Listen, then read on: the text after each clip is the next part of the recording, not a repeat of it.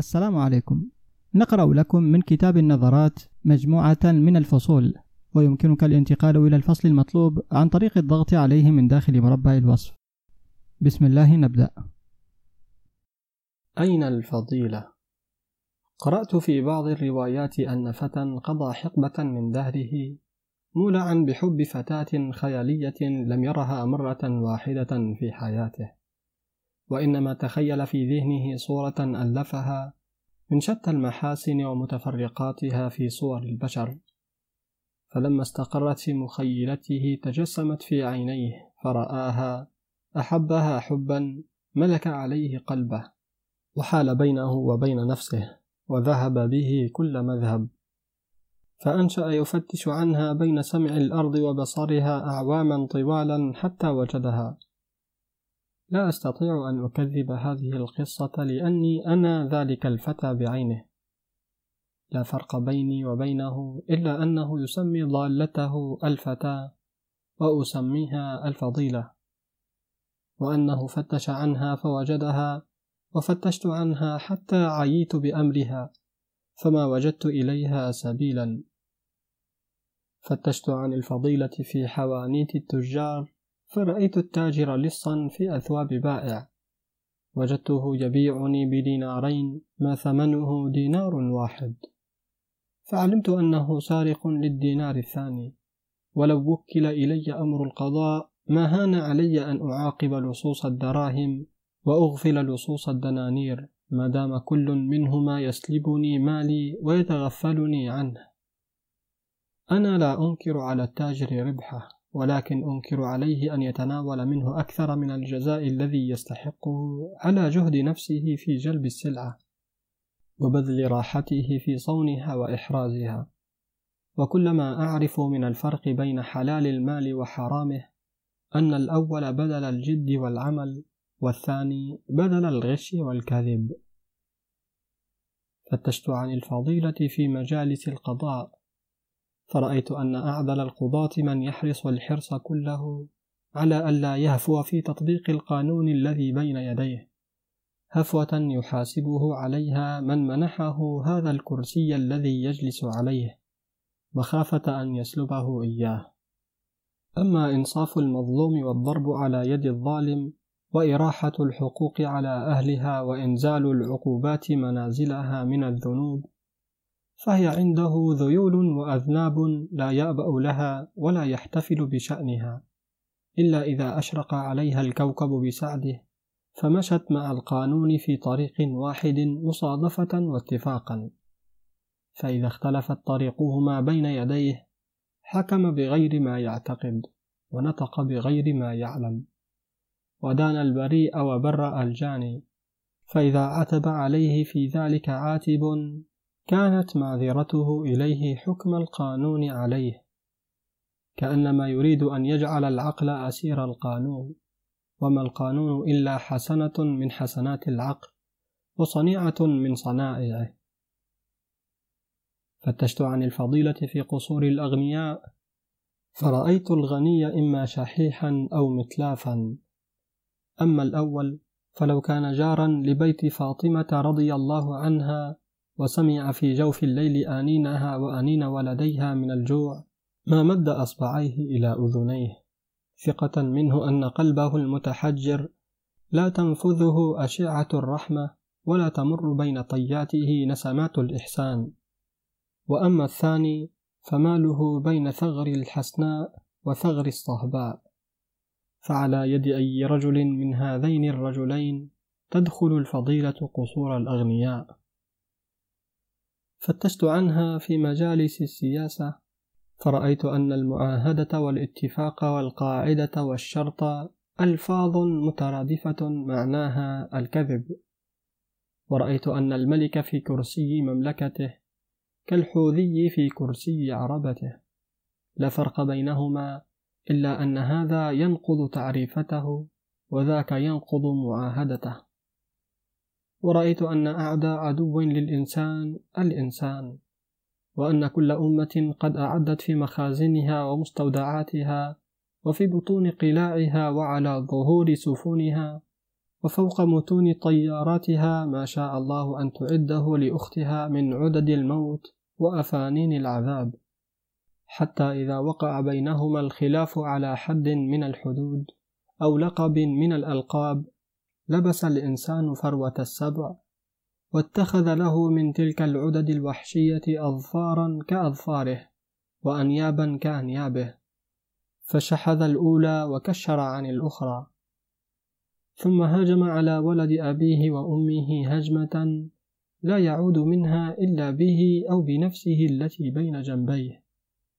وإنك لو سألت الجنديين المتقاتلين ما خطبكما وما شأنكما وعلام تقتتلان وما هذه الموجدة التي تحملانها بين جنبيكما؟ ومتى ابتدأت الخصومة بينكما؟ وعهدي بكما أنكما ما تعارفتما إلا في الساعة التي اقتتلتما فيها. لعرفت أنهما مخدوعان عن نفسيهما وأنهما ما خرجا من ديارهما إلا ليضعا درة في تاج الملك أو نشانا على صدر القائد. فتشت عنها بين رجال الدين ورجال الصحف فرأيت أنهما يتجران بالعقول في أسواق الجهل ورأيت كلا منهما قد ثغر له في كل رأس من رؤوس البشر ثغرة ينحدر منها إلى العقول فيفسدها والقلوب فيقتلها ليتوسل بذلك إلى الذخائر فيسرقها والخزائن فيسلبها هذا باسم السياسة وذاك باسم الدين. فتشت عنها في كل مكان. أعلم أنه تربتها وموطنها فلم أعثر بها. فليت شعري هل أجدها في الحانات والمواخير أو في مغارات اللصوص أو بين جدران السجون. سيقول كثير من الناس قد غلا الكاتب في حكمه وجاوز الحد في تقريره. فالفضيلة لا تزال تجد في صدور كثير من الناس صدرا رحبا وموردا عذبا. وإني قائل لهم قبل أن يقولوا كلمتهم إني لا أنكر وجود الفضيلة ولكني أجهل مكانها. فقد عقد رياء الناس أمام عيني سحابة سوداء أظلم لها بصري حتى ما أجد في صفحة السماء نجما لامعا ولا كوكبا طالعا. كل الناس يدعي الفضيلة وينتحلها وكلهم يلبس لباسها ويرتدي رداءها ويعد لها عدتها من منظر يستهوي الأذكياء والأغبياء ومظهر يخدع أسوأ الناس بالناس ظنا. فمن لي بالوصول إليها في هذا الظلام الحالك والليل الأليل إن كان صحيحا ما يتحدث به الناس من سعادة الحياة وطيبها وغبطتها ونعيمها فسعادتي فيها أن أعثر في طريقي في يوم من أيام حياتي بصديق يصدقني الود وأصدقه فيقنعه مني ودي وإخلاصي دون أن يتجاوز ذلك إلى ما وراءه من مآرب وأغراض وأن يكون شريف النفس فلا يطمع في غير مطمع. شريف القلب فلا يحمل حقدا ولا يحفظ وترا ولا يحدث نفسه في خلوته بغير ما يحدث به الناس في محضره. شريف اللسان فلا يكذب ولا ينم ولا يلم بعرض ولا ينطق بهجر شريف الحب فلا يحب غير الفضيلة ولا يبغض غير الرذيلة. هذه هي السعادة التي أتمناها ولكني لا أراها. إني لأرى الرياض الغناء تهفو أشجارها وترن أطيارها وأرى جداول الماء تنساب بين أنوارها وأزهارها انسياب الأفاعي الرقطاء في الرمال البيضاء. وأرى أنامل النسائم تعبث بمنثورات الأوراق عبث الهوى بألباب العشاق وأسمع ما بين صفير البلابل وخرير الجداول نغمات شجية تبلغ من نفس الإنسان ما لا تبلغ أوتار العيدان فلا يسرني منها منظر ولا يطربني مسمع لأني لا أرى بين هذه المشاهد التي أراها ضالتي التي أنشدها. لقد سمج وجه الرذيلة في عيني وثقل حديثها في مسمعي حتى أصبحت أتمنى أن أعيش بلا قلب. فلا أشعر بخير الحياة وشرها وسرورها وحزنها.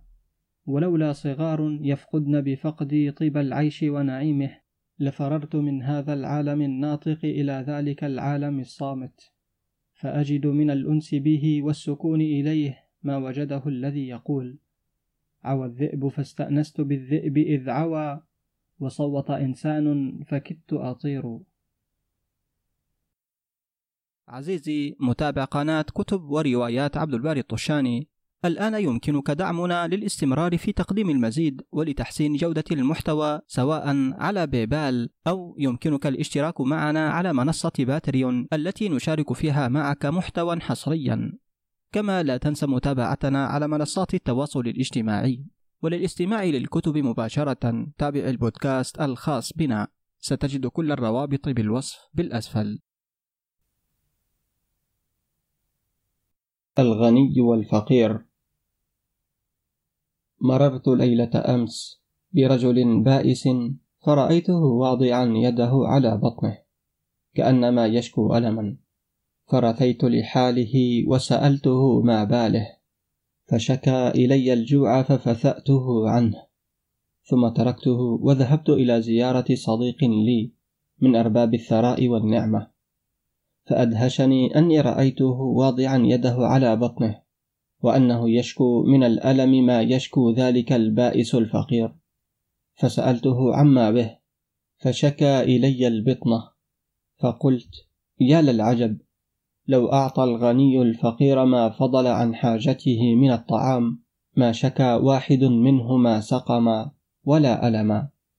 لقد كان جديرا به أن يتناول من الطعام ما يشبع جوعته ويطفئ غلته ولكنه كان محبا لنفسه مغاليا بها فضم إلى مائدته ما اختلسه من صفحة الفقير فعاقبه الله على قسوته بالبطنة حتى لا يهنأ للظالم ظلمه ولا يطيب له عيشه وهكذا يصدق المثل القائل بطنة الغني انتقام لجوع الفقير.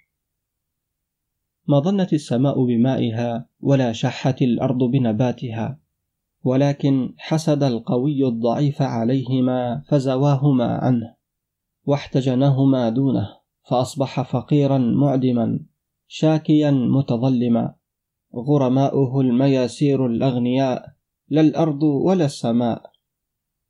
ليتني أملك ذلك العقل الذي يملكه هؤلاء الناس فأستطيع أن أتصور كما يتصورون. حجة الأقوياء في أنهم أحق بإحراز المال وأولى بامتلاكه من الضعفاء. إن كانت القوة حجتهم عليهم فلم لا يملكون بهذه الحجة سلب أرواحهم كما ملكوا سلب أموالهم؟ وما الحياة في نظر الحي؟ بأثمن قيمة من اللقمة في يد الجائع. وإن كانت حجتهم أنهم ورثوا ذلك المال من آبائهم قلنا لهم إن كانت الأبوة علة الميراث فلم ورثتم آباءكم في أموالهم ولم ترثوهم في مظالمهم؟ لقد كان آباؤكم أقوياء فاغتصبوا ذلك المال من الضعفاء. وكان حقا عليهم أن يردوا إليهم ما اغتصبوا منهم. فإن كنتم لا بد ورثاءهم فاخلفوهم في رد المال إلى أربابه لا في الاستمرار على اغتصابه. ما أظلم الأقوياء من بني الإنسان وما أقسى قلوبهم. ينام أحدهم ملء جفنيه على فراشه الوثير ولا يقلقه في مضجعه أنه يسمع أنين جاره وهو يرعد بردا. ويجلس أمام مائدة حافلة بصنوف الطعام قديده وشوائه حلوة ومره ولا ينغص عليه شهوته. علمه أن بين أقربائه وذوي رحمه من تثب أحشاؤه شوقا إلى فتات تلك المائدة ويسيل لعابه تلهفا على فضلاتها. بل إن بينهم من لا تخالط الرحمة قلبه ولا يعقد الحياء لسانه. فيظل يسرد على مسمع الفقير أحاديث نعمته وربما استعان به على عد ما تشتمل عليه خزائنه من الذهب وصناديقه من الجوهر وغرفه من الفرش والرياش ليكسر قلبه وينغص عليه عيشه ويبغض إليه حياته. وكأنه في كل كلمة من كلماته وحركة من حركاته يقول له أنا سعيد لأني غني وأنت شقي لأنك فقير. أحسب لولا أن الأقوياء في حاجة إلى الضعفاء يستخدمونهم في مرافقهم وحاجاتهم كما يستخدمون أدوات منازلهم ويسخرونهم في مطالبهم كما يسخرون مراكبهم. ولولا أنهم يؤثرون الإبقاء عليهم ليمتعوا أنفسهم بمشاهدة عبوديتهم لهم وسجودهم بين أيديهم لم تصوا دماءهم كما اختلسوا أرزاقهم ولحرموهم الحياة كما حرموهم لذة العيش فيها. لا أستطيع أن أتصور أن الإنسان إنسان حتى أراه محسنا لأني لا أعتمد فضلا صحيحا بين الإنسان والحيوان إلا بالإحسان وإني أرى الناس ثلاثة. رجل يحسن إلى غيره ليتخذ إحسانه إليه سبيلا إلى الإحسان إلى نفسه. وهو المستبد الجبار الذي لا يفهم من الإحسان إلا أنه يستعبد الإنسان. ورجل يحسن إلى نفسه ولا يحسن إلى غيره. وهو الشره المتكالب الذي لو علم أن الدم السائل يستحيل إلى ذهب جامد لذبح في سبيله الناس جميعا. ورجل لا يحسن إلى نفسه ولا إلى غيره. وهو البخيل الأحمق. الذي يجيع بطنه ليشبع صندوقه. أما الرابع الذي يحسن إلى غيره ويحسن إلى نفسه فلا أعلم له مكانا ولا أجد إليه سبيلا. وأحسب أنه هو ذلك الذي كان يفتش عنه الفيلسوف اليوناني ديوجين الكلبي حينما سئل ما يصنع بمصباحه وكان يدور به في بياض النهار فقال أفتش عن إنسان أيها المحزون إن كنت تعلم أنك قد أخذت على الدهر عهدا أن يكون لك كما تريد في جميع شؤونك وأطوارك وألا يعطيك ولا يمنعك إلا كما تحب وتشتهي. فجدير بك أن تطلق لنفسك في سبيل الحزن عنانها كلما فاتك مأرب أو استعصى عليك مطلب. وإن كنت تعلم أخلاق الأيام في أخذها وردها وعطائها ومنعها وأنها لا تنام عن منحة تمنحها حتى تكر عليها راجعة فتستردها وأن هذه سنتها وتلك خلتها في جميع أبناء آدم سواء في ذلك ساكن القصر وساكن الكوخ. ومن يطأ بنعله هام الجوزاء ومن ينام على بساط الغبراء. فخفض من حزنك وكفكف من دمعك. فما أنت بأول غرض أصابه سهم الزمان وما مصابك بالبدعة الطريفة في جريدة المصائب والأحزان. أنت حزين لأن نجما زاهرا من الأمل كان يتراءى لك في سماء حياتك فيملأ عينيك نورا وقلبك سرورا. وما هي إلا كرة الطرف أن افتقدته فما وجدته. ولو أنك أجملت في أملك لما غلوت في حزنك. ولو كنت أنعمت نظرك فيما تراءى لك لرأيت برقا خاطفا ما تظنه نجما زاهرا. وهنالك لا يبهرك طلوعه فلا يفجعك أفوله. أسعد الناس في هذه الحياة من إذا وافته النعمة تنكر لها ونظر إليها نظرة المستريب بها. وترقب في كل ساعة زوالها وفناءها. فإن بقيت في يده فذاك وإلا فقد أعد لفراقها عدته من قبل. لولا السرور في ساعة الميلاد ما كان البكاء في ساعة الموت. ولولا الوثوق بدوام الغنى ما كان الجزع من الفقر. ولولا فرحة التلاقي ما كانت ترحة الفراق. إلى الدير. مسكين ذلك الفتى الذي رأيته صباح أمس منزويا في ركن من أركان أحد الأندية. وقد ظللت جبينه الوضاح سحابة سوداء من الحزن وانحنى على نفسه كأنما شعر بأن قلبه يتمشى في صدره وأنه يحاول الفرار منه. فهو يعطف عليه ليمسكه بين جوانحه. ولو أنه أراد بنفسه خيرا لتركه يمضي في سبيله حيث شاء. فبعدا لقلب لا يسكن عن الخفقان ولا يفيق من الهموم والأحزان. سألته ما بالك أيها الصديق؟ قال لا شيء. قلت أنت تكتمني ما في نفسك ولو عرفتني ما كتمتني. قال ما جهلتك مذ عرفتك ولكني أعطيت الله عهدا مذ خلقت ألا أشكو إلا إلى من أرجو عنده البرء وما أنا براج عندك ولا عند أحد من الناس برءا من دائي قلت هبني طبيبا والطبيب وإن كان لا يشفي إلا نادرا فإنه يسكن غالبا ويعزي دائما. فأنا إن عجزت عن معالجتك فلا أعجز عن تعزيتك. على أن الماء إذا اشتد غليانه احتاج إلى التنفيس عنه. وإلا طار بالقدر طيران الهم بالصدر. فأصغى إلى كلماتي واستخذع لها. وأنشأ يحدثني حديثا تمازجه العبرات وتقطعه الزفرات. ويقول زوجني أبي منذ سنين من زوجة جاهلة غبية. لا تفهم من معنى الزواج إلا أن فيه قضاء لبناتها وترفيه عيشها وإرضاء نفسها. وهو يحسب أنه قد أحسن إلي بسليلة المجد وربيبة النعمة ومالكة الدور وساكنة القصور. أجل إنها ذات مال وفير وخير كثير ولكن ذهب عليه غفر الله له. أني ما كنت أريد أن أكون تاجرا أكسب مالا بل زوجا أجد بجانبي نفسا يؤنسني محضرها ويوحشني مغيبها. ومرآة صافية نقية أتراءى فيها فتريني نفسي كما هي لا تكذبني في خير ولا شر. إني أريد أن أجد في الزوجة التي أتزوجها صديقا في المرتبة العليا من مراتب الصداقة.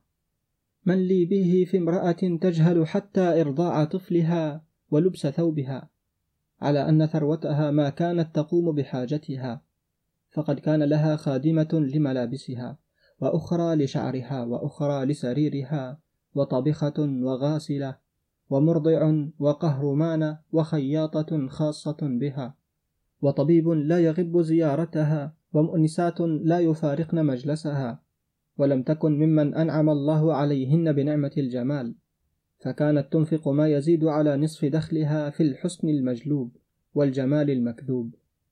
وليتها كانت تغفل أمري وتتركني وشأني فأستطيع أن أتناساها وأعد نفسي من العزاب تخيلا وتقديرا بل كانت تقيم من نفسها ومن هذا الجحفل اللجب المحيط بها حرسا كحراس الليل وجواسيس كجواسيس الإنجليز يراقبن مواقع نظري ومواطئ قدمي لتعلم أين مذهب قلبي ووجهة نفسي فتغار علي من الكوكب إذا رأتني أنظر إليه.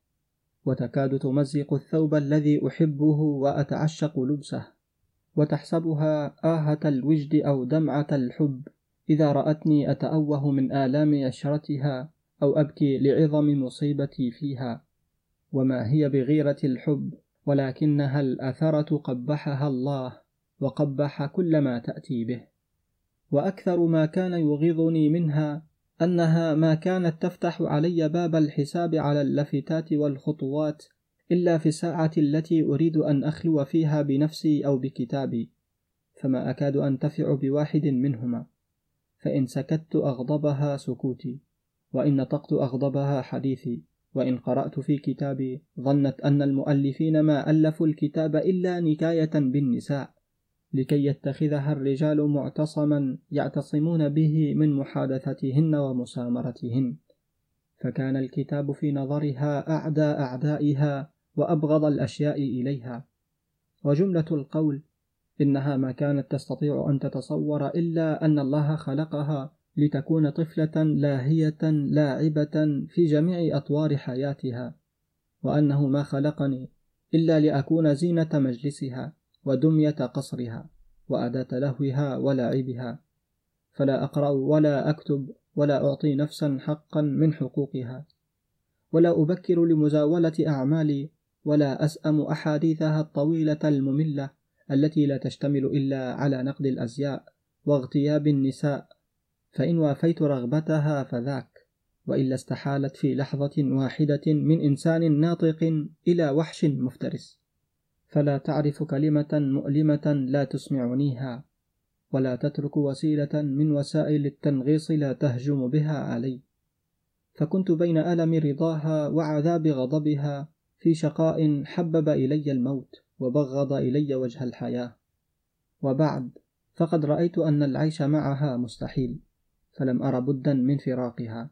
ففارقتها وما على وجه الأرض شيء أبغض إلي من المجد. ولا أسمج في نظري من المال. قلت ولكني لا أزال أراك حزينا بعد ذلك. قال نعم لأنني نفضت يدي من الزوجة الجاهلة ورحت أفتش عن الزوجة المتعلمة. وقلت ليكونن لي من الشأن في الزواج الثاني ما لم يكن لي في الزواج الأول بعدما صار إلي الخيار. وبعد تلك التجربة وذاك الاختبار. فهيأ لي الحظ جارا ملاصقا ما زلت أسمع مذ حل في جواري أن في بيته فتاة جميلة ما زال يعنى بأمرها حتى خرجها وأدبها. فأصبحت نابغة مدرستها وسيدة أترابها علما وفضلا وتهذيبا وأدبا. فما قنعت بالخبر حتى خالطت أباها ثم خالطتها. فإذا المرأة الجديدة من جميع وجوهها فوقعت من نفسي أحسن موقع وحلت مكانا لم يكن حل من قبل. خطبت الفتاة إلى أبيها فما لبث أن أخطبني فامتلأ قلبي فرحا وسرورا. وخيل إلي أنني أرى في سماء الآمال نجما لامعا يدنو مني قليلا قليلا. وسجلت أن الدهر أنشأ يكفر بحسناته ما أسلف من سيئاته. فإني لكذلك وقد أعددت للبناء بها عدته ولم يبق بيني وبينه إلا يوم واحد. وإذا برسول البريد قد جاءني بهذا الكتاب. فهاكه فاقرأ فإن فيه بقية قصتي وسر نكبتي. ثم ألقى إلي بغلاف معنون باسمه. فوجدت فيه بطاقة تشتمل على رسم فتى حسن الصورة والهندام يخاصر فتاة جميلة. وقد ألقت برأسها على كتفه. ووجدت مع البطاقة كتابا فقرأت فيه ما يأتي. علمت أنك خطبت فلانة إلى أبيها وأنك عما قليل ستكون زوجها. ولعمري لقد كذبك نظرك وخدعك من قال لك إنك ستكون سعيدا بها فإنها لن تكون لك بعد أن صارت لغيرك. ولا يخلص حبك إلى قلبها بعد أن امتلأ بحب عاشقها. فأعدل عن رأيك فيها وانفض يدك منها. وإن أردت أن تعرف من هو ذلك العاشق وتتحقق صدق خبري وإخلاصي إليك في نصيحتي فانظر إلى الصورة المرسلة مع هذا الكتاب. فما نظرت الصورة وقرأت الكتاب حتى عرفت كل شيء فأحسست برعدة تتمشى في أعضائي وشعرت بسحابة سوداء قد غشت على نظري لهول ما سمعت. وسوء ما رأيت إلا أنني تماسكت قليلا فأعدت إليه كتابه وقلت له وهو كل ما استطعت أن أقول ماذا يعنيك من أمر فتاة فاجرة عاهرة بعدما انكشف لك سرها وظهرت لك حقيقتها؟ ولو كنت في مكانك لعدلت عن الحزن على فوتها إلى الاستغفار من حبها وحمد الله تعالى على ما ألهم من صواب الرأي فيها.